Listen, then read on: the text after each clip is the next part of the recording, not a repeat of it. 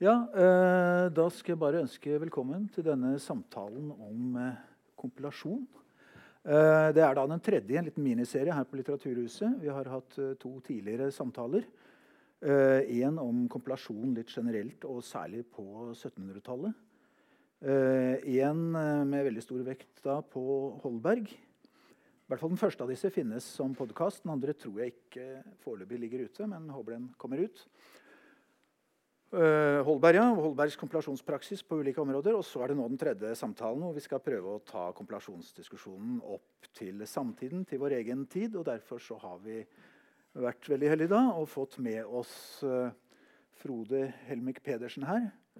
Uh, Førsteamanuensis i nordisk litteraturforskning, men først og fremst i denne sammenheng kritiker da, i, av skjønnlitteratur i dagspressen.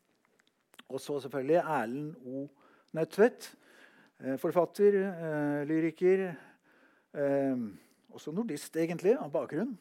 Og kompilator har du selv skrevet i avisa at du er. sånn at jeg håper at samtalen fra et litt generelt utgangspunkt om kompilasjon og diskusjoner om kompilasjon i kulturen i dag går fram og handler litt om Erlends forfatterskap. Og jeg håper å ende med litt om denne siste boka eh, av Nødtvedt, som heter 'Slekter'. Og hvor kompilasjon spiller en, eh, en viktig rolle. Så jeg kan jo si litt om bakgrunnen også. Vi er en prosjektgruppe på Universitetet i Bergen. Vi har et prosjekt som heter 'The Dynamics of Compilation in Literature and Historiography of the Enlightenment'. Og Vi springer da egentlig i hvert fall delvis ut av det store Holberg-prosjektet som var øh, for noen år siden ved Universitetet i Bergen. Uh, en av oppdagelsene med å, med å, jobbe med Holberg det var jo i og for seg velkjent, men det var den høye graden av kompilasjon, særlig i hans historieskriving.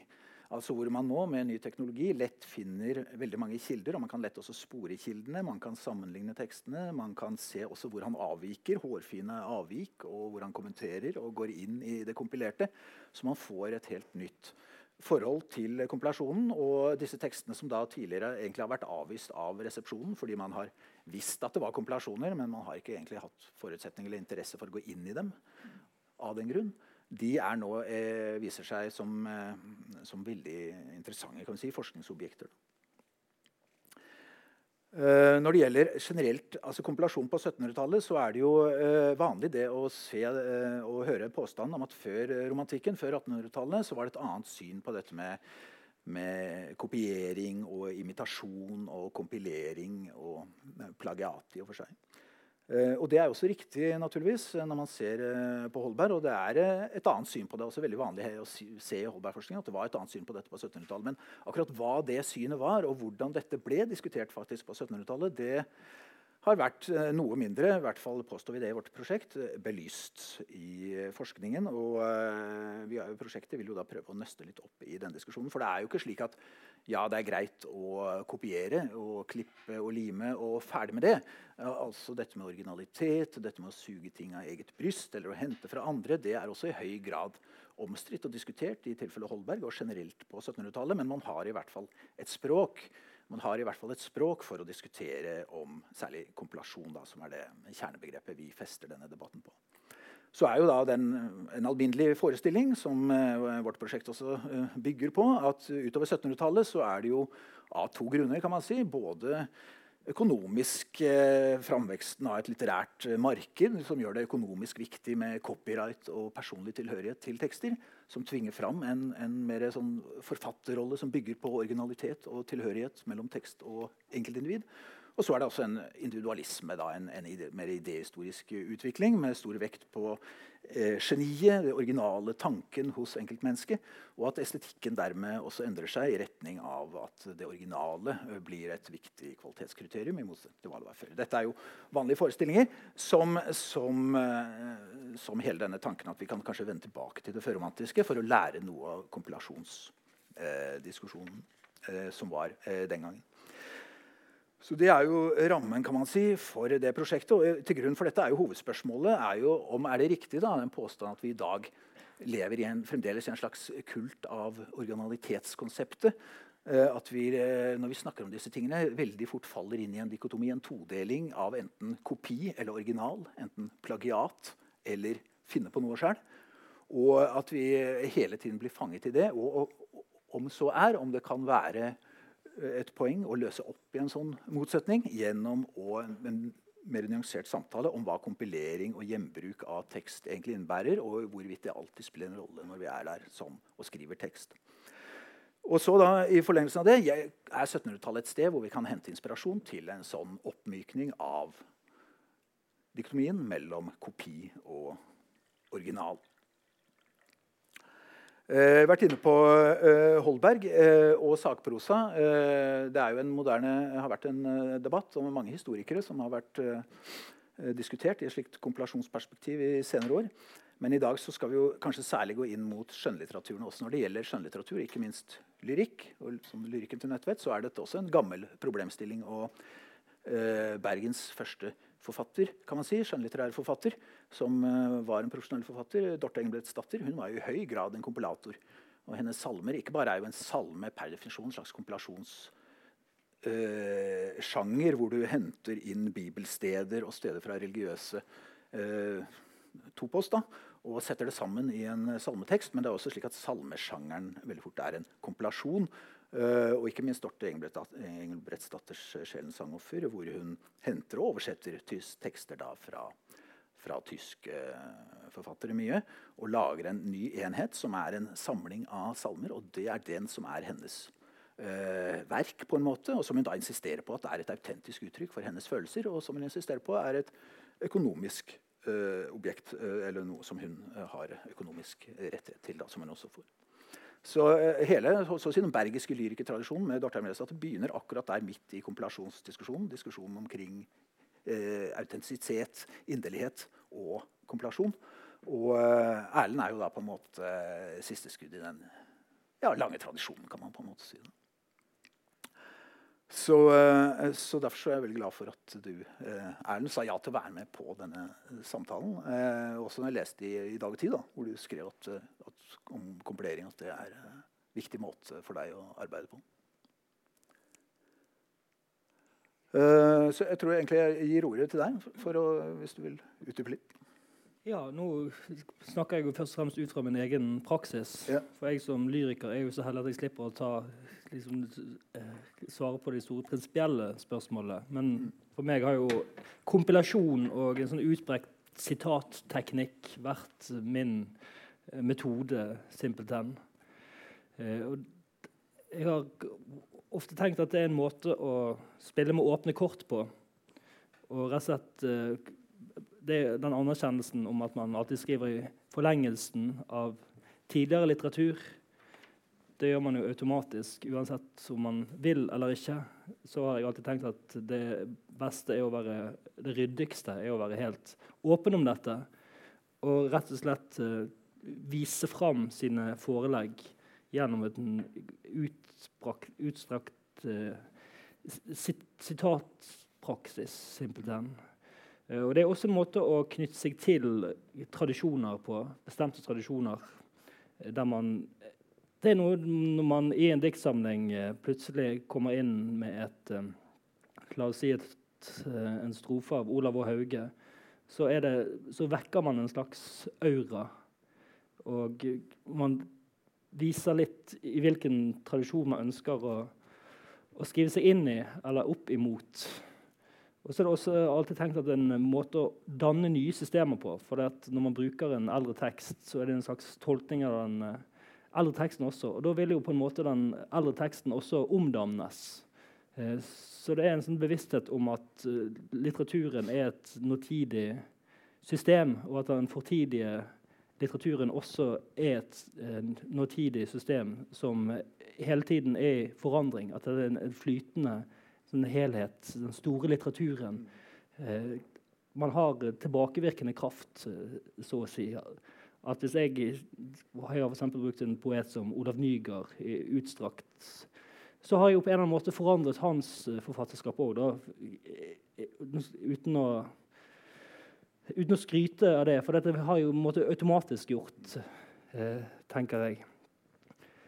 Og jeg har også i en stor utstrekning egentlig brukt ikke kun sitater fra andre skjønnlitterære verk, men også i stor grad hentet ting fra andre kontekster inn i poesien.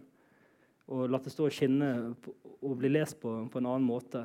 F.eks. I den bergensbeskrivelsen når du snakket om Dorte Engebrettsdatter, så har jeg jo tatt med hennes uh, inventarliste etter hennes bo, simpelthen.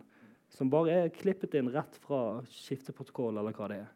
Og så satt inn i en uh, poetisk kontekst. Og, og, da får man jo automatisk et, et, helt nytt blikk på det, tenker jeg. Jeg har jo en sånn drøm om en slags diktsamling som kun er sitater. Og jeg, Man kunne også tenke seg en slags skjult antologi. Man, uh, en antologi er jo på en måte et verk i seg selv. Og det er, jo, det er, jo, en form for kompileringspraksis, der man setter tekster sammen og lar de snakke med hverandre. Så å, kunne, å liksom skrive en diktsamling der alle diktene er skrevet av andre poeter, det tenker jeg at uh, prinsipielt er ingenting i veien for overhodet. Eh, i, liksom, i, i, den samtidige poesien, når vi snakker om kompilasjonspraksiser, så en, en, ting som er ganske vanlig, det er jo forfattere som eh, tar med en oversettelse av en poet inn i sin egen diktsamling. F.eks. Jon Fosse i sine tidligere diktsamlinger. Så går hans tekst, og så plutselig er det en oversettelse av et trakeldikt som står da, der og, og, lyser på en måte og blir tolket av det om, omkringliggende. Så det, Hovedtanken er jo det, at dette her er det, det, store systemet, og at nyere kunst har tilbakevirkende kraft på, på eldre kunst. Altså systemer som hele tiden omdannes. Man kan så å si lage nye familietrær, og man kan opprette helt nye tradisjoner ved at man setter ting i forbindelse med hverandre som aldri har blitt satt i forbindelse med hverandre før. Mm. Før vi gjorde nå til Frode, bare kommentere et par ting. Altså det ene er jo det de er inne på at et grunnspørsmål da er jo om det du klipper inn, om det skal stå der. Og, altså Hvor tydelig må det være? før det på en måte, altså I hvilken grad skal det lyse at her er det Olav Nygaard? Eller hvor, i hvilken grad er det integrert, og, og, hvor nødvendig er det å tydeliggjøre? Men det er en annen ting som jeg har lyst til å bare understreke, er jo det, vekten på det med at du lager et nytt system. Nå foregrep du jo litt eh, diktsamlinga di at også slekter er en variant av dette. da. Men det var jo også da viktig, en del av 1700-tallets diskusjon er jo den eklektiske på en måte erkjennelsesmodell, da, hvor det nettopp er at hva er det å skape noe nytt? Det er å aldri overta et, et ferdig system, men du må egentlig lage ditt system. og det er ikke ved å det nye består i den nye kombinasjonen som er systemet, eh, som da er sammensatt av ideer som du henter herfra og derfra. Og den største synden er å overta et, en, den sterke tenkers system, på en måte, for da blir du, da blir, da blir du epigon. Men det å hente ideer herfra, derfra, tekst, tekster og ideer og motiver vi, vi, veksler litt mellom det når vi snakker nå, så, så lager du det, det, si, det, nye systemet. og Det er på en måte den eklektiske skole, som Holberg jo er en helt eksplisitt tilhenger av. Så det er en sammenheng mellom hans metode som eh, kompilator og hans eh, si, erkjennelsesfilosofi eller epistemologi. når det gjelder mm. Så det er interessant at du også trekker fram det. Det er liksom statusen på den nye enheten som er avgjørende for, for uh, kompilasjon som metode. Jeg tror vi går videre til kritikerens eh, blikk på dette. her. Eh, Frode? Har du en kommentar? Det var et åpent spørsmål. Ja, det var ikke egentlig et spørsmål. Bare, jeg, jeg, gir deg ordet. til Ja, ja. ja, Da vil jeg gjerne benytte, hvis jeg har noe lyd i monitoren her, uh, og spørre Erlend har du noensinne, har du noensinne følt at uh, du var på tynn is med hensyn til at du brukte alle mulige uh, skamløst? Nei, overhodet ikke. Jeg, eh, det at jeg tar til med, sier jo automatisk at jeg mener det kan rettferdiggjøres estetisk. Det, som ofte så har jeg eh, kursivering på helt sånn åpenlyse sitater. Men ofte skriver man jo videre på, på noe, og ofte skriver man liksom mot noe. og det er hele tiden den der med og mot og forlengelsen av andre verk. Men jeg, jeg forstår ikke hva jo, nei, det, det, jo, jo, men hør. For det var nettopp uh, når de, de, eksemplene som vi har vært innom her, det er jo gamle tekster. sant? Mm. Og det, jo, det, det, blir jo absurd å si det at du har plagiert uh, Dortes uh, forfatter av Innbolisten. Altså et eller annet sånt. Sant? Det er jo klart, eller, eller, eller til og med Olav H. Hauge er såpass kanonisert. Det er veldig gjenkjennelig. og sånn. Men ville du ha brukt dine noe nåtidige kollegers I hvilken grad har du gjort det i det hele tatt? Eh, det har jeg gjort i, i ikke i høy grad, men eh, jeg har absolutt uh, gjort det i stadige allusjoner som er mindre, mer eller mindre åpne og skjulte. Men direkte sitater òg? Ja. ja. Som du ikke har gjort oppmerksom på? Eh, det, nei, men det trenger man jo ikke gjøre. For teksten er jo en eh, Teksten er en vev. Har du hørt om det? ja, ja, ja. Nei, men altså, nei, altså Jeg bare prøver å, prøver å liksom å, å, å se altså, For, for det, poenget mitt blir da at det synet som du har på dette som poet Nå har jo du aldri egentlig vært eh, stått i, noe i faresone for, for, å havne i, i en sånn plagiatdiskusjon. Eh, Eh, men det er jo et faktum at vi har hatt en god del eh, plagiatsaker både kritiker, eh, for kritikere og for sakprosaforfattere, og til og med lyrikere. Og da er, jo, da er jo, spørsmålet hvor går grensen? Mm. Og, og en, det er det ene. Og det andre er jo at du uh, har et uh, syn som åpenbart skiller seg fra det synet som man finner for hos Ingunn Økland, og hos Bernhard Ellefsen, vil jeg gå ut fra, som er jo den som har vært mest opptatt av å uh, gjøre sånne saker da, uh, i pressen. Uh, og jeg står på, mer på din side der. Jeg mener at folk har vært i vår tid i, i samtiden nå vært altfor strenge mot plagiatorer. Og, jeg syns også at at det er en sånn slags medielogikk her som, som, som jeg misliker litt. Nemlig, det, det, er jo det at eh, Alle vet at, at en litt sånn seriøs uh, skjønn, anmeldelse av skjønnlitteratur, f.eks. poesi, det er ingen vinnersak noe, altså, i, liksom, i, i medieverdenen. Uh, og den lesningen kan være så god han bare vil. Han får liksom ingen klikk. Men hvis du slår svært opp at dette er plagiat, og at her er det liksom en skandale, da får du jo masse klikk. sant? Og det har vært en tendens til at noen kritikere har blitt litt sånn der, eh, ute etter sånne saker som på en måte er mer enn bare litteraturkritikk. Når du virkelig kan liksom svinge svøpen og si det at dette burde aldri vært utgitt, og forlaget må uttale seg, og her må liksom alle inn på teppet og sånn.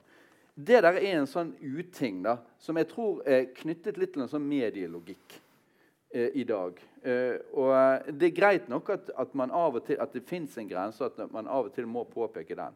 Men jeg syns at kritikere bør bestrebe seg på å være meget tolerante med hensyn til å oppdage sånne lån. da, Og sitater og skjulte sitater. Og For min del, i mitt kritikervirke, som er ca. 20 år gammelt, vil jeg tro, kanskje litt mindre, så har jeg aldri, tror jeg, anklaget noen for plagiat eller vært inne på tanken en gang. Men jeg har noen gang påpekt lån. Og hver gang, og jeg, må, for jeg tenkte på det når jeg fikk dette oppdraget her, eh, eh, så tenkte jeg på det, Hvis jeg har påpekt lån eller sett lån, har det noen gang telt positivt? Nei, det har det ikke. Eh, sånn at, eh, det er klart F.eks. T. Singer og Dag Solstad. Sant? Da har han en sånn der sekvens hvor T. Singer prøver å bli forfatter. Og så eh, eh det, får han bare én setning. Kommer bare til én setning. Første setningen Eh, og den driver han på med i årevis og revurderer og skriver på nytt. Og sånn. Og det er veldig morsomt. Solstad er morsom der. Alle vet, alle som har lest litt, vet uh, umiddelbart at dette stammer fra Albert Camus og pesten. For der er det nøyaktig samme situasjon.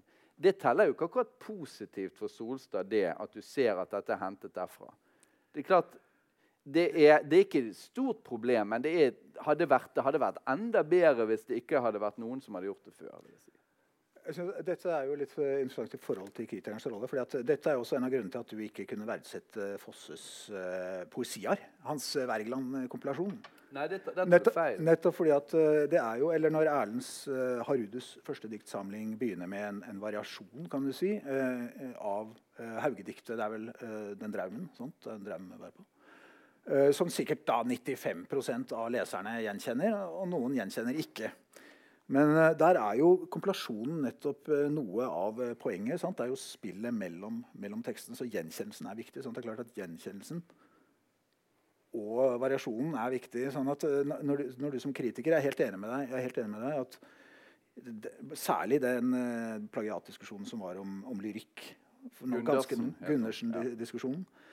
Uh, der gikk jo uh, kritikerne altfor langt, syns jeg også. Uh, I hvert fall ut ifra de eksemplene som var i Klassekampen. Altså, det er jo veldig interessante lignende ting. Men, og det er absolutt kritikernes oppgave å peke på den typen lån. Men det er klart at debatten da er jo hvorvidt som Erlend også var inne på, den nye enheten egentlig fungerer, og hva som ligger i disse små tekstlige variasjonene da over den andre teksten. Du bytter ut et pronomen, du, du skifter en tid, du setter inn noen adverb. eller noe sånt. Hva skjer egentlig da i teksten, og hvordan fungerer det? Det er jo interessant for en kritiker. Og sånn som Når det gjaldt uh, Fosses kompilasjon av Wergeland, som jo er den poesia som jo er en helt en helt sånn eksplisitt kompilasjon. Det er jo Wergeland-brokker hentet inn og så skrevet om på nynorsk og gitt en variasjon. Og, og selvfølgelig fosseaktige uh, ut, uttrykk. Så, så, fikk jo den ganske mye kritikk. Og det er mulig at den ikke fungerte noe særlig godt på egne ben, men som en Wergeland-lesning, som en kompilasjon av Wergeland. Det var slik den på en måte fungerte estetisk, i hvert fall for meg, da, som holdt på akkurat å, å lese mye Wergeland akkurat mens jeg leste også den teksten. Sånn var jo, da var det jo den, den kompilatoriske virksomheten i seg sjøl som var en del av selve effekten. Og det tenker jeg er jo også, også sånn som Erlend skriver, så blir jo kompilasjonen en del av kvaliteten. Og I det Solstad-eksempelet og en rekke andre eksempler så må du jo også forstå det som en slags leserinstruks, det lånet. Det handler om at han knytter seg til en bestemt tradisjon og viser ja, det er i denne verden dette universet befinner seg i. Disse lånene det er jo for å skape en ofte en skape en høyere himmel og ja, rett og slett vise i hvilken tradisjon en forfatter setter seg ved hjelp av disse små vinkene. Ja, men det, altså, dette er jo en litterær idé som man rett og slett har, har stjålet. da. Uh, sånn at, uh, og, og, gjør mye ut av, og det fungerer. Men altså, jeg bare sier det at jeg hadde hatt uh, det, Hvis, hvis det, dette, han var den første som hadde kommet på det, så hadde det vært liksom ekstra, litt ekstra mye bedre. og det, det fins jo sånne her grep F.eks. Jan Kjærstad sin siste bok, som får en svært negativ omtale i Morgenbladet på fredag. Eh, eh, der, har han, der, har han, også brukt et sånt veldig tydelig grep fra, fra David Foster Wallace. Det er ikke noe, altså det, jeg, jeg, mener at det i, i, og for seg fungerer. Uh, og det er ikke det som er kritikken mot romanen. Men det, had, altså David Foster, det var David Foster Wallace som fant på det. så Sånn sett så mener jeg at vi er litt sånn uunngåelige romantikere. da. Fordi at vi, vi, du, vi, Jeg skjønner at det prosjektet vil forbi romantikken for liksom å lære noe av 1700-tallet. Sånn. Det er helt ok. Og det, det mener jeg, Der har vi mye å lære. Eh, og det er veldig eh, eh, nyttig for oss å, å, skjønne at vi er romantikere. Eh, men det er på en måte litt uunngåelig. For det, eh, det, som romantikken sier, det er det at med din tale, din inderlige tale, der er det en, en, en, klar sammenheng mellom det som kommer ut, og det som er inni ditt hjerte, din sjel, ditt bryst. Eh, og, når, særlig når det gjelder poesi. Sånn at Når noen begynner å stjele det en andre har, liksom har uh, utgitt av sitt hjerteblod, og sier at dette er mitt hjerteblod, så er det på en måte umoralsk. Det er jo det, på en måte impulsen her. Uh, og, det, det, forstår vi alle sammen, og det ligger på en måte litt til grunn. Men det som jeg vil si uh, som har kommet i tillegg i vår tid, det er jo dette med, med ja, kapitalismen. da. copyright og sånn. Det er jo en helt annen type tankegang. Det er, annet, det, det er, jo en form for eierskapstankegang. Med at du har stjålet noe som jeg kan på en måte tjene penger på ellers. Og nå har du tatt det, mm. og så skal du tjene penger på det. Og Derfor må vi ha et rettssystem som sier at du får ikke lov, osv. Så sånn. Det, det er en, en, type tankegang som er, er, er mindre øh, øh, på en måte tilbøyelig til å, å, være med på. da. Når det gjelder poesi, f.eks. Ja. Nei, jeg syns du, du, nå er veldig, veldig, romantisk i den hjerte, hjertemetaforikken din. og det er liksom inderliggjøringen. fordi at... Du setter litt på spissen, da. selvfølgelig. Ja, fordi at, nei, det er klart at, Men det at man klarer å skape en enhetlig følelse, som også Elliot har et sånt, et sånt essay som det ofte refereres til i denne debatten. Han skriver at uh, umodne poeter de imiterer, men gode, gode diktere da, eller gode poeter de stjeler. Men de gjør det også da og tilpasser det og gjør det til, til, eh, til, sitt eget i den forstand de skaper en ny helhet, sånn at enheten, den nye enheten må fungere. Det må den jo gjøre. Så det er jo en slags forutsetning. Men, Ja, men det, men det å du? gjøre det til, til din til din, eller, eller si at dette er ditt eget liksom, hjerte som taler. Det er det som er den, jeg føler, en- en romantisk forestilling som, som gjør det veldig vanskelig det gjør det veldig vanskelig å snakke om tekst nå. og Særlig nå som, som på 1700-tallet var det jo en mediemessig eh, revolusjon med trykkeri og framveksten av markedet. og sånt, og Det samme har vi nå. på en måte, En, en endring i selve teknologien rundt dette. her, og Vi har masse, massevis av tekst. og både for både for en leser eller for en kritiker. Bare det å finne forbildene og søke så Når jeg forsker på Holberg, så kan jeg nå bare med noen få trykk finne alle de forbildene. Så det er helt andre forutsetninger for å finne disse tekstspråkene. Og for den som skriver, selvfølgelig, å ha alle mulige tekster og, og klippe og lime dem sammen. Og, og med tekstbehandling. Sånn. Det er helt andre eh, vilkår. Og, da, og da, det tydeliggjør på en måte behovet for å snakke om dette på en annen måte. Jeg, jeg føler også det å stille Jo, jo, sånn men i skolen- å I skolen, hvis du du- liksom stiller, eh, stiller skoleelever eh, overfor liksom dilemmaet ja, Enten så klipper og limer du, det er, liksom, det er eh, å stjele, da, som du sier. Eller så må du liksom, skrive med egne ord, eller skrive altså, Være original, da. I, i, at det blir, er, ikke det bare en helt umulig en måte, motsetning å stille folk inn? Når, det, når de faktisk gjør, De må jo lese tekst etter tekst. etter tekst, og Det blir jo spørsmålet hvor mye må jeg flikke på denne tekstspråken her? Hvor mye kan jeg klippe ut? Hvilke, hvor mye må jeg forandre på denne teksten før den på en måte i negativ forstand kan lure plagieringsmaskineriet? Men, det, men, men det, det er mer enn det. for det er et det er et reelt dilemma for en som skriver i dag. Og en, en skoleelev som skal skrive om et eller annet eh, politisk problem. eller noe sånt.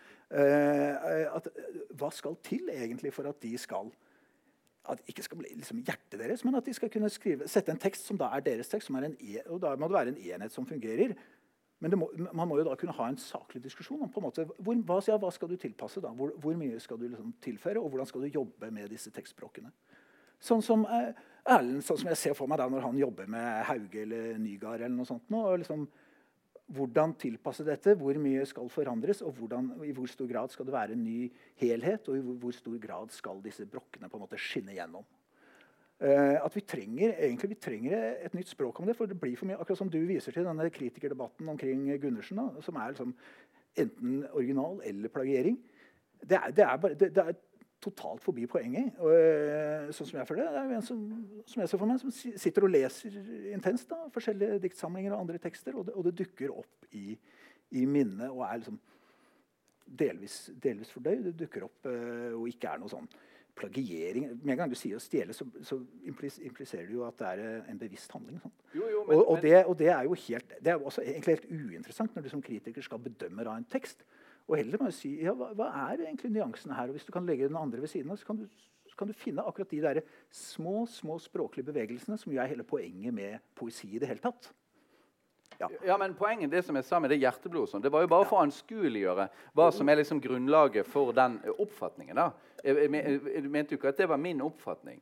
Jeg mente bare at det er liksom der vi kommer fra. Så, så, så å si. Det er liksom grunnlaget for, for, for den moralske eh, eh, så å si, eh, opprørtheten som preger av og til disse plagiatdebattene. For det har jo faktisk vært sånn i noen tilfeller at de som har plagiert, de har fått så å si en beskjed fra, fra samfunnet nærmest om at de kan aldri komme tilbake. Det er så alvorlig. De har, de har begått en umoralsk handling. De har presentert noe som, som sitt, som ikke er deres. Og, og, og, det er, jeg er helt enig med deg at det, der bør vi lære av 1700-tallet. Og eh, vi kan lære av Harold Bloom, f.eks., eh, som sier at det å lese dikt eh, eh, det eh, eh, er et spørsmål om å mestre diktets det han sier på engelsk 'elusiveness'. Med andre ord diktets eh, kvalitet av å referere til andre dikt, trekke andre dikt inn i seg selv, så å si. Eh, og eh, Der er jo, kommer jo hele denne tanken med intertekstualitet, som sto sterkt fra 60-tallet og fremover. Og som sa det at ethvert dikt var hele tiden et, en vev av sitater. Sant? Og, og det var jo, så, så I poststrukturalismens uh, uh, høy, eh, høyperiode så ville jo det være hele det plagiatgreiene egentlig falle bort som, altså, som en teo, rett og slett en teoretisk umulighet, nærmest. Vil jeg tro. Eh, men, så, så vi har fått en sånn eh, nymoralisme nå som er knyttet på litt sånn merkelig vis til en medielogikk og en eh, kapitalismelogikk som jeg også er vil, vil stå imot. Men jeg vil også fremdeles påpeke at vi er nok, eh, vi er nok likevel romantikere. da. Eh, I den sammenheng kan man jo trekke fram ja, det mye siterte T.S. Eliot-essay om eh, Hva heter det da? Individ og eh, Hva heter det? det? Individ og Uh, tradition and the individual tradisjon og det individuelle talentet. Der jo nettopp snakker om at denne dialogen med tradisjonen er en måte å komme seg vekk Det er en sånn antiromantisk posisjon der man skal komme seg vekk fra en sånn litt dum og klam selvframstilling. At eh, det at man eh, ja, nesten blir som et medium, da slipper man nettopp unna eh, denne falske hjerteblodsutytelsen. Ja, hvorfor er den falsk? Fordi at, vi er ikke på 1800-tallet lenger. Og vet at dette her, disse tekstene går som en flom gjennom oss. Og, og å høste aktivt fra den flommen det er en måte å slippe unna liksom den smålige liksom, ja, den selvfremstillingen. da. Det som jo er, er eh, også, Skriver Elliot. Ja, skriver Elliot, ja. Men, men, men han hadde jo sine egne grunner til å være uh, da på papiret antiromantiker. Mm. Så han egentlig selvfølgelig var romantiker. Det som er jo, Noe av paradokset er jo at gjennom å kompilere, altså sånn som eh, Erlend jobber i flere av sine diktsamlinger, så framstår jo du egentlig som mye mer original enn mange eh, lyrikere i dag som ikke kompilerer, men som på en måte Eller i hvert fall ikke på en åpenbar måte kompilerer, men som, som skriver innenfor et formspråk og et motiv og et tematisk eh, sjangerfelt som, som etter hvert da kan framstå som nokså forutsigbart eh, for mange, uten at du kan peke på kompilasjonen og, og tekstbruken. Mens det er jo veldig tydelig i det forfatterskapet at nettopp det å hente og sånn som også så Elliot er inne på da, at eh, kompilere fra, fra folk som står veldig fjernt fra hva du holder på med, fra andre sjangere, eller også fra andre perioder i historien, er en vei til egentlig å bli og framstå nettopp som, som original. Eh, original da i, som sagt, i selve strukturen, i måten du setter det sammen på og skaper en, skaper en ny enhet. Ja, Sånn nei, ja. sånn at Originalitet og hjerteblod eh, henger ikke nødvendigvis sammen i det hele tatt. Eh, hvis man skriver ut sitt hjerteblod sånn sett eh, direkte, så kan man jo risikere å framstå som veldig konvensjonell og lite original. Ja, ja, Med mindre man er et geni. da. Det er jo nødvendig å være et geni, selvfølgelig. altså, det, er jo, det ligger jo i kortene. Ellers så øh, går det ikke. Så, så du må jo være et unikt altså Dette er jo romantikkens tankegang. Du må være, du må være et unikt individ, da, og så må du evne faktisk å altså, Da er jo tanken at det som kommer ut, skal være unikt også. Selvfølgelig. Ja. Og det er, jo, det, det er jo det som da øh, modernistene og postmodernistene mente var veldig øh, naivt. da. Så, øh, men, men jeg, er så, jeg er ikke så sikker på om vi har sluppet unna helt den, øh, den måten å tenke på likevel. da. Sånn at, øh, så jeg tror nok at eh, hvis, hvis du tenker deg at Det som var ett eksempel som, eh, som eh, gikk på Hva var det hun der tyskeren het? eh, som eh, som sa det der med i, og det har jeg her et eller annet sted. I Det som diskuterte i New York Times. Ja. Eh, hell...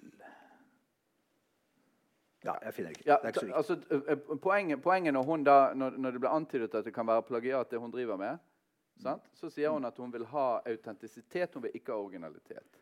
Originalitet fins ikke, bare autentisitet. Ja, ja. Ja. Ja, og hvordan, hvordan forstår du det synspunktet?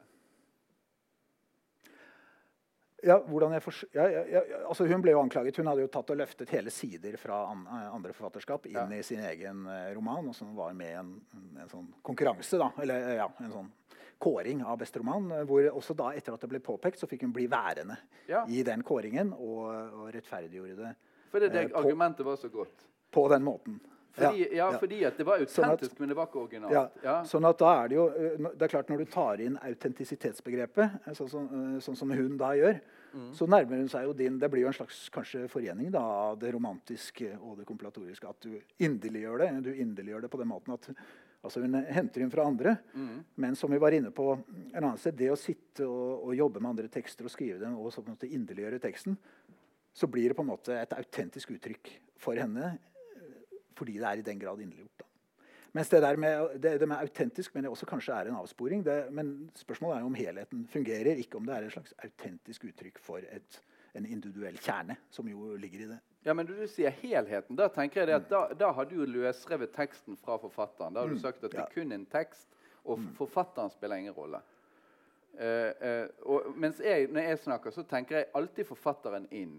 Eh, Mm. Og eh, som, som er nødvendig på en måte, kontekst til teksten, og at vi forstår det som et uttrykk en, av en person. da. Så, sånn sett så kan du si at jeg er mer Mm. eh, eh, romantiker. Men det som jeg lurte litt på når det gjaldt det der, det var jo at det sitatet du, du eh, eh, tok med Elliot, og som du var inne på også, nemlig at hva den sier Good writers eh, eh, Ja. s- eh, altså, Jeg har her hele sitatet Ja. som jeg selv overset, Jeg tror jeg leste for det. Det det er Ja. både et godt råd til kritikere, det handler jo om kritikere, Ja, eh, hvordan ja. man evaluerer, og oss til forfattere. ja. Det er altså et, et essay han skriver om en, eh, om en engelsk eh, 1500-1600-talls dramatiker som heter Philip Massinger, og som handler mye om forholdet mellom Massinger og Shakespeare. For han kompilerer da Shakespeare på en måte som hele tiden er dårligere. Hvor han mister hele tiden den helhetlige følelsen som, som bærer Shakespeares tekst. Men så skriver Elliot da Eh, en av de beste måter å teste eh, underforstått et forfatterskap på, er å se hvordan dikteren låner. Umodne diktere imiterer, modne diktere stjeler. Dårlige diktere maltrakterer det de tar, og gode diktere gjør det til noe bedre, eller i det minste til noe annet. Den gode dikteren smelter sitt tyvgods sammen til en helhetlig følelse som er unik, helt annerledes enn den som den ble revet fra. Den dårlige dikteren kaster det sammen til noe som er uten sammenheng.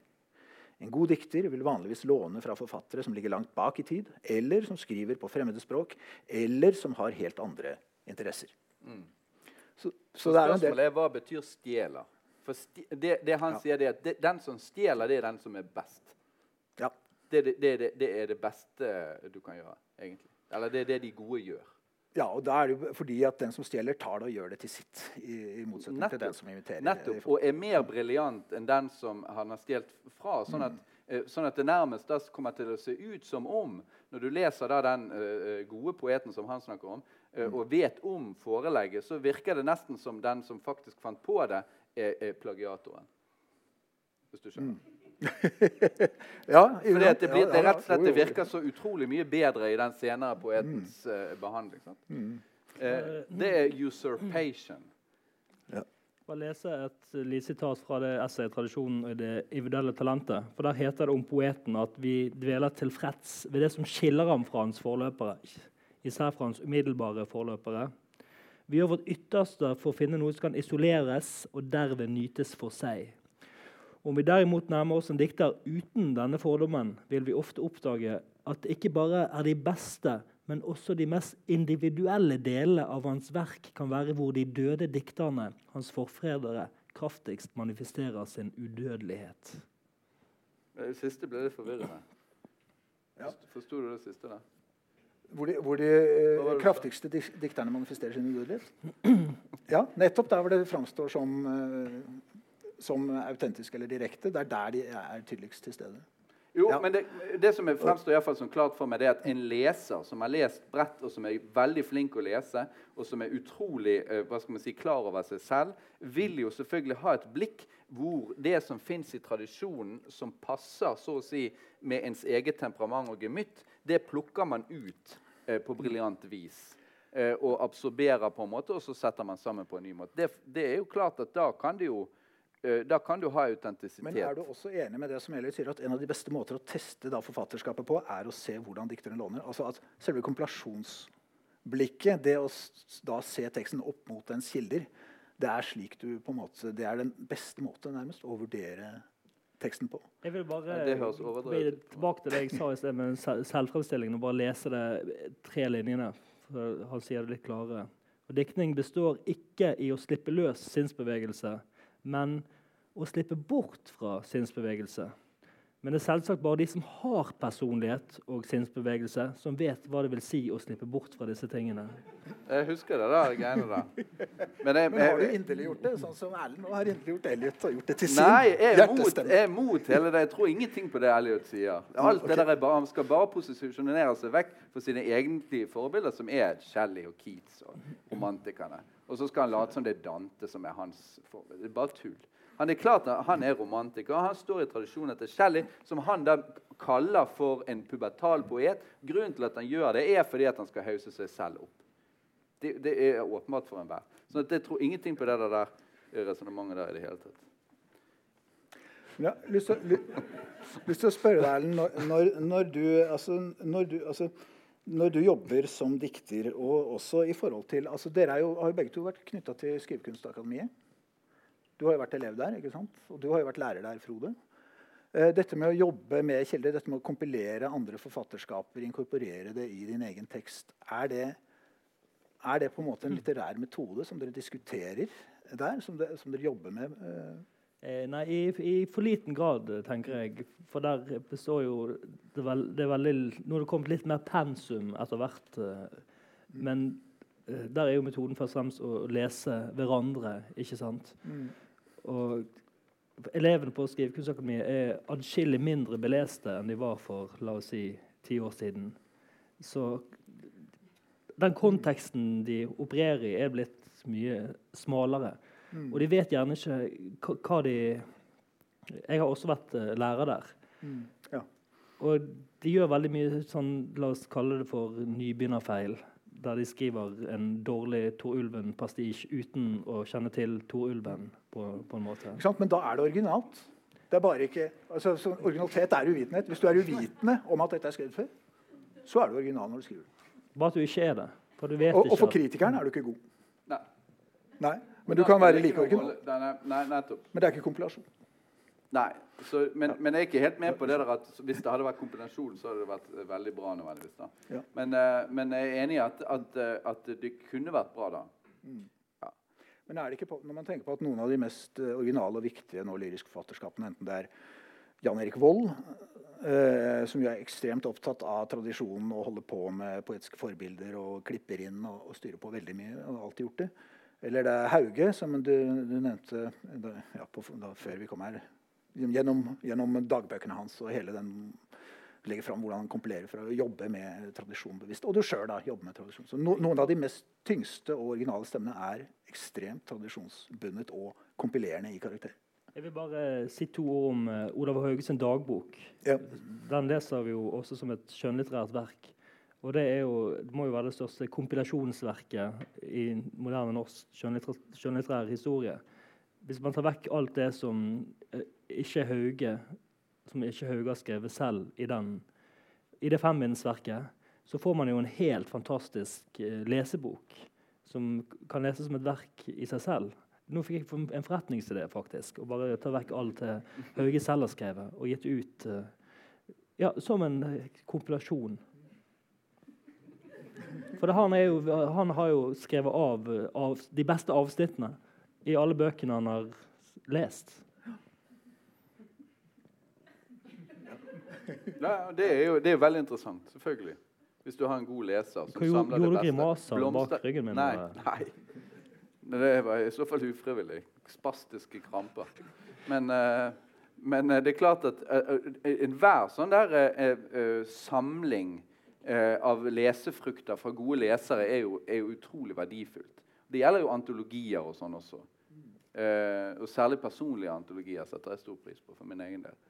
Så mine favorittdikttype ting.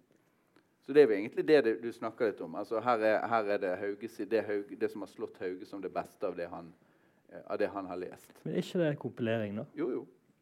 Men det er jo ikke det samme som å utgi det som sitt eget. da. Eh, det er, jo, det er, jo, en forskjell. Og, jo, men Han har jo gitt ut som sitt eget Riktignok ikke han, men uh, Henke. Jo, jo, men altså, det, er, det, er jo en dagbok, så det er jo noe litt annet. Uh, og vi snakker jo ofte ikke om litt forskjellig. Vel, vi snakker om litt forskjellige ting. Sånn som, sånn som når, du, når, du, kommer inn på det med studenter og sånn. sant? Grunnen til at vi er så opptatt av plagiat, der, er jo at vi vil at, at, at det ikke skal være fusk. da. Ja. Eh, og Det er jo bare for å teste at de faktisk kan dette, og ikke bare kopiere et eller annet. og klippe og lime. Så det, det er jo noe litt annet. sant? Og med, med Gundersen, som skriver de der diktene som hun ligger vel farlig tett, får vi si da, tross alt, på uh, sine uh, kilder, så er, det, så er, jo det, noe annet. Uh, men det morsomme der er jo at hun, hun bruker ganske dårlige dikt som, som kilder, så det spørs det om jeg ikke har gjort en tjeneste. Det er jo det som kunne gjort det til uh, et konseptuelt uh, verk. da. ja. Nettopp det at hun har kompilert til, i stor grad fra nullede diktsamlinger. Noe som i seg selv er jo et ganske spennende estetisk grep, syns jeg. Det er en velgjerning. Så hvis han bare insisterte på det ja, Jeg, jeg skulle bare vise hvor dårlig det sto til. Nei. Men å gjøre det til noe bedre, da. Kanskje. Ja, det er ikke helt det, sikker det er- på. det er Det kan godt, altså, det kan Ja. godt hende. Ja. Sånn at det er ikke, Problemet er ikke på en måte hva som er gjort, eller teksten i seg sjøl, men det er kanskje måten, at det ikke er rettferdiggjort på den riktige måten. At vi ikke har hatt et språk snakke, til å snakke om det der på. ja, Men det var vel Ja, det at det det kom frem helt- at det var utilsiktet. da. Det, det har båret helt uh, galt av sted. Ja, er det da så avgjørende om det er tilsiktet eller utilsiktet? Altså, Jeg er jo litt opptatt av uh, intensjon for min del, men, uh, men eh, igjen eh, muligens litt for romantisk eh, i innstillingen. Men, men, eh, men jeg, jeg la iallfall merke til at disse eh, poetene som var blitt da eh, brukt mm. i hennes diktsamling, altså de- deler av deres poesi var blitt brukt, eh, de var jo rasende. Alle som én. Ikke alle som en. Alle som en det var en som sa at eh, så det som en homasj. ja, Og det var Ja, en, ja. Og det er jo Hommage ofte, ofte det. altså hyllest. En hyllest, ja. En, et nikk, da. En, en nikk til eh, Litt sånn som eh, Erlend også snakket om. eh, Han kan gjøre legge inn til, eh, til samtidspoeter, folk i miljøet. Og det er et, et nikk, en samtale, som leseren av og til plukker opp, av og til ikke plukker opp. Det er sikkert en intern liksom, eh, sjanger, eller sjargong, da, blant, blant dikterne. Og det er jo eh, utmerket. Men jeg så det, no, folk reagerte ulikt. og eh, på den diskusjonen. Og, og, eh, og eh, det var jo en hel ankett med forskjellige. Og det, det kom jo fram at blant forfattere i Norge i dag så er det veldig ulike holdninger til dette her. Det er ulike måter å forstå det på når det gjelder f.eks. dette med noter. Altså, Erlend bruker ikke noter. Han har masse, masse sitater. Det kommer fram veldig ofte tydelig i teksten. Mer eller mindre tydelig da, hvor, i hvor grad det er uh, sitat. Men hvor det kommer fra notene, det er på en måte opp til opp til leserens uh, lesekompetanse, rett og slett. Og, og det synes jeg, og det å begynne å rote med noter og, og sånn tydelige henvisninger det, altså Hvor skal det det helt føre hen? helt enig. Er latterlig. Sånn at det, det, det går ingen vei. Ja, for nå driver jo forfatter og skriver sånne der, uh, eh, litteraturlister etter en roman. Ja. Og så kommer Ingunn Økland og sier det er veldig redelig, og det er hun glad for. Men altså, det der, vi kan ikke begynne med det der. Nei, nei, vi kan Nei, ikke begynne med det nei, der. Men vi må heller ha at kritikerne må ha et blikk for det og et språk til, Ja, til å snakke om det. får vi innføre det kompilasjonsbegrepet. Det jo- Det er bra, det. Og det er for deres eh, forskergruppe da bidrar til å, å knesette som eh, prinsipp i norsk litteraturkritikk. Men samtidig så vil jeg jo si det at du, Erlend, er jo veldig klar over det når du gjør det. Det er jo ikke sånn at det, er veldig utilsiktet. Det er jo mulig det skjer en gang imellom. Men det er jo ikke det samme som det som skjer med Gundersen. For det, så vidt jeg forsto, så har jo hun innrømmet at, at dette var en slags arbeidsuhell. Eh, og sånn. Det er det jo ikke snakk om for din del. Dette er jo en poetisk praksis. Ja, he helt åpenbart. Bare at det er ikke så farlig for meg om jeg har skrevet de ordene selv eller ikke når jeg setter det inn i manuset. Så lenge de passer der Ja, ja, ja, ja. Mm. Men, men, uh, men uh, en poetisk praksis som du har et veldig bevisst forhold til, tross alt. da. Ja, og, eh, det håper jeg jo. Ja, ja. Ja, men jeg hadde tenkt, lyst til å spørre, for nå Mot slutten kan vi jo bevege oss litt inn mot ditt forfatterskap. Litt mer spesifikt, kanskje. Og, og hvordan, Nå har du jo snakket en del om hvordan du jobber, men er det altså Sånn som denne boken her, da, som har jo masse, det handler jo veldig mye om slektsforskning. Så her er det jo ikke bare at du liksom har satt deg inn i din slekt, men det er jo når du leser at du har satt deg inn i et helt språk. på en måte, Masse begreper fra slektsforskningen som dukker opp, som klippes inn og brukes eh, i ulike sammenhenger. Og, og, og liksom he hele så du har på en måte, eller det er i hvert fall slik det ser ut, da, at det er et prosjekt hvor du på en måte har lest deg inn i et nytt, en terminologi, et språk, som så, som så du, du gir din egen versjon av, da, med mye utklipp og brokker og sånne ting. Og, men det er, jo, det er jo som jeg var inne på, det er jo, det er jo ganske mye variasjon. altså Av og til tenker du her er en tydelig kompilasjon. Av og til så lurer du på er dette faktisk en gammel tekst, for du har jo veldig mye sånn tekst fra, fra eldre bøker og slektsbøker og bygdebøker. og forskjellige ting. Eller er dette, han, han, han, er dette en falsk kompilasjon? så å si? Av og til når jeg leser det, tenker jeg at her har du, du, du, du mimer en gammel tekst. Men egentlig har du funnet det på selv. Uh, og hvordan du egentlig, eh, altså Når du sitter og jobber med det, hvordan det er at du har altså Nå, nå jobber jeg med det, mye mer, mens nå skriver jeg mer. Nå, nå suger jeg så å si av mitt eget bryst her bortover en stund. Er, hvordan er den, er, hvordan Eh, jobber du? nå? det er ganske lite miming. Ja. Men kildene smitter jo over. Det gjør det jo alltid. Men eh, jeg syns jo det, at det skal være ganske greit å se hva som f.eks. er Vi har ikke brukt ready-made-begrepet og found poem-begrepet, for, for å si det på engelsk, som jo mye av dette er. Det er ting som er, har eksistert i en ikke-poetisk kontekst, som får et nytt lys på seg når det settes inn i en poetisk kontekst. Ja. Nei, er veldig mye av dette språket som du klipper inn, er fascinerende å lese. altså, Med, med liksom den, disse tekniske termene for mors mors mor og fars mors far og alt det der. Og, mm. Eh, og så har jeg jo faktisk Det står jo 'kompilert'. eh, Det er en, et appendiks, et påheng som er kalt et uh, postludium. Eh, da står det 'kompilert fra Thomas Browns 'Hydrotapia og Urn Burial', som er et uh, essay av Thomas Brown fra 1658. Mm. Eh, og det kom jeg over i forbindelse med arbeidet. For jeg prøvde å lese meg opp på gravkikker opp gjennom tidene. Kom tilfeldigvis over det virkelig sublime essayet, som jeg har forstått seinere har også vært viktig for mange forfattere. Wolf har skrevet om det, og Sebald har skrevet masse om det og nevnt det i mange sammenhenger. Alt dette var ukjent for meg når jeg kom over det. Det hadde jeg faktisk tenkt å spørre deg om. Om du, du har hentet det ut fra den modernistiske diskusjonen om Brown, eller om du har Derfor Liksom var jeg, jeg var helt uvitende om den, eh, for å være ærlig. Men var du klar over at Holberg hadde også en bok av Thomas Brown i sin bokhylle? Ser du det, ja? Eh, som heter eh, Hva heter den igjen, da? Saudo... Altså, det er om vrangforestillinger. Eh, eh, ja, ting som folk generelt tror, men som ikke, ikke er sant. Faktisk For en del år siden så satt jeg og jobbet eh, ganske mye for å se om han kompilerte fra den eh, Thomas Brown-boka si, men det fant jeg dessverre ikke noe eksempel på. Uh, men, men du, da? Du, du kompilerer Brown. Så endelig fant jeg en Ja, jeg- som uh, kompilerer Thomas Brown. Uh, 1600-talls. Og det er helt sånn Der er ikke det et ord jeg har skrevet selv. Det begynte jo altså, Ja, at er det ikke det, Erlend? Jo, det- jo, ja, det- jeg har sett Det er litt på to Det stemmer, det. Det er fire linjer av 20 sider som jeg har skrevet selv.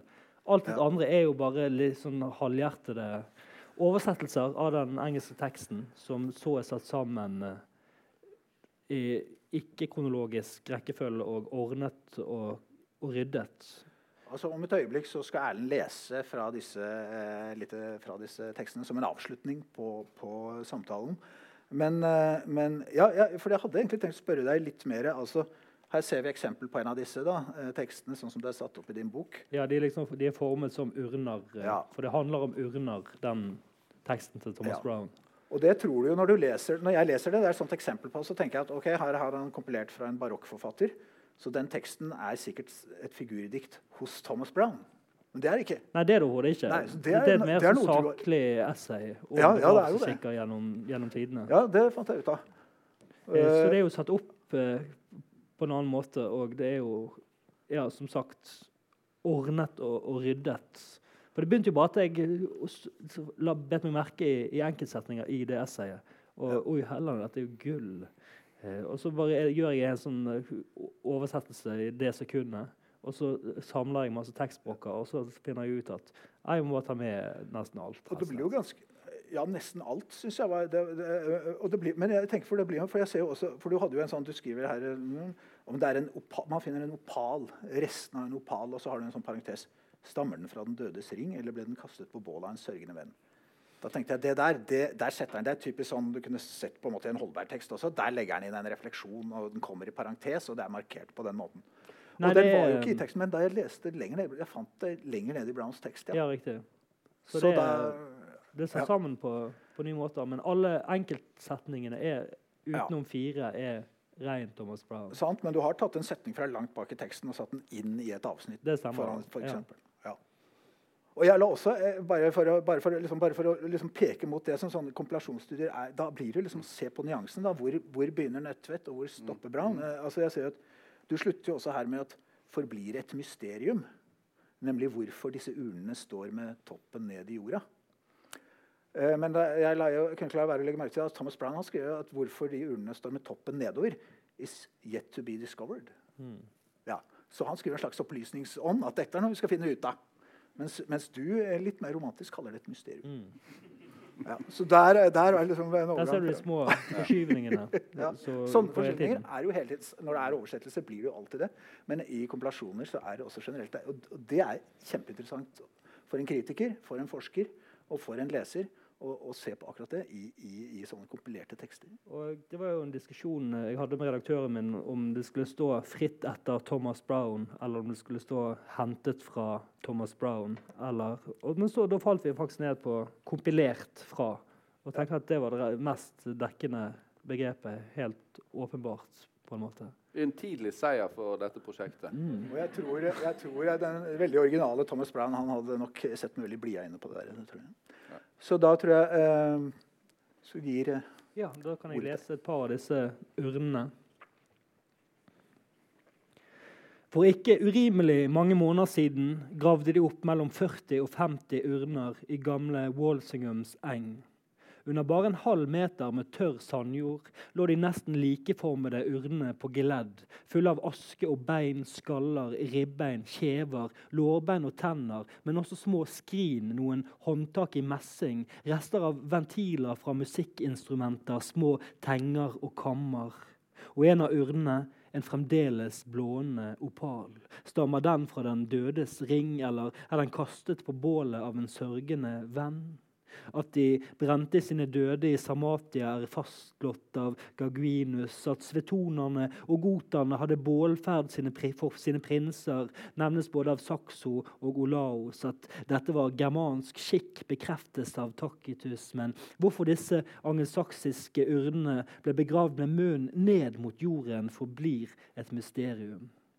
Er det et farvel til alle jordlige nytelser, eller stammer skikken med å ta gods med seg i graven fra vissheten om den posthume nytteverdi? Skulle man ikke i neste tilstand kunne behøve en elefant i raven, krystallball, tre glass, to skeier, seks krystallnøtter, hestens bein og hestesko, 300 bier av gull, en ape av agat, en forgylt gresshoppe eller de av Josva begravde omskjæringskniver?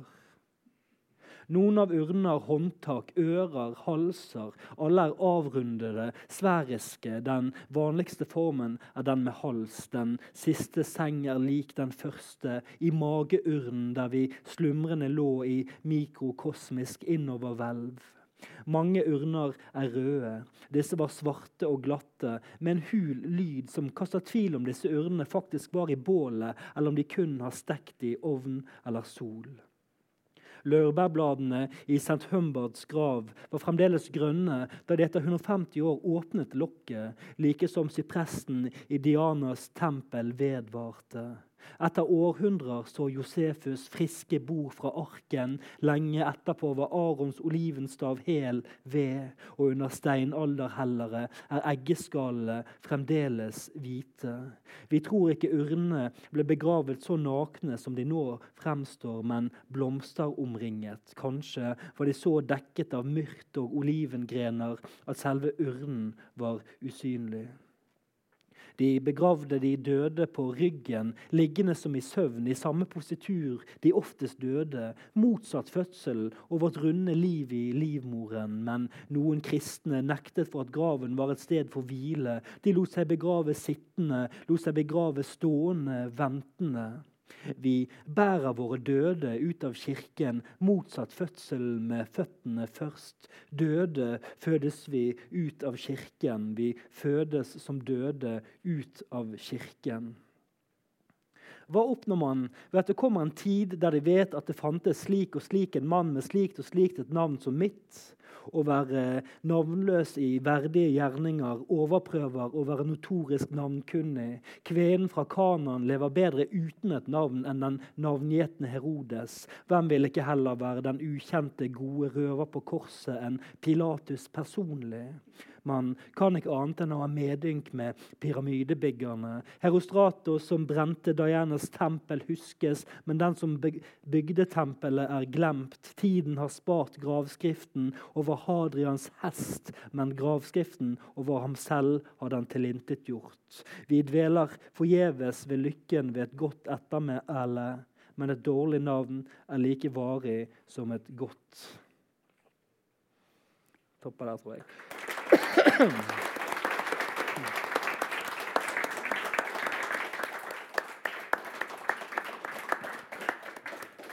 Ja, da er eh, klokken åtte. Innspill fra salen? Tusen takk, Erlend, for at du. Selv, selv takk.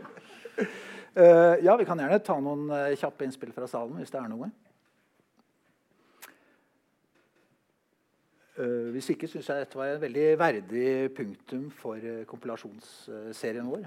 Så tusen takk for at du kom og leste. Takk, Frode. Takk til publikum.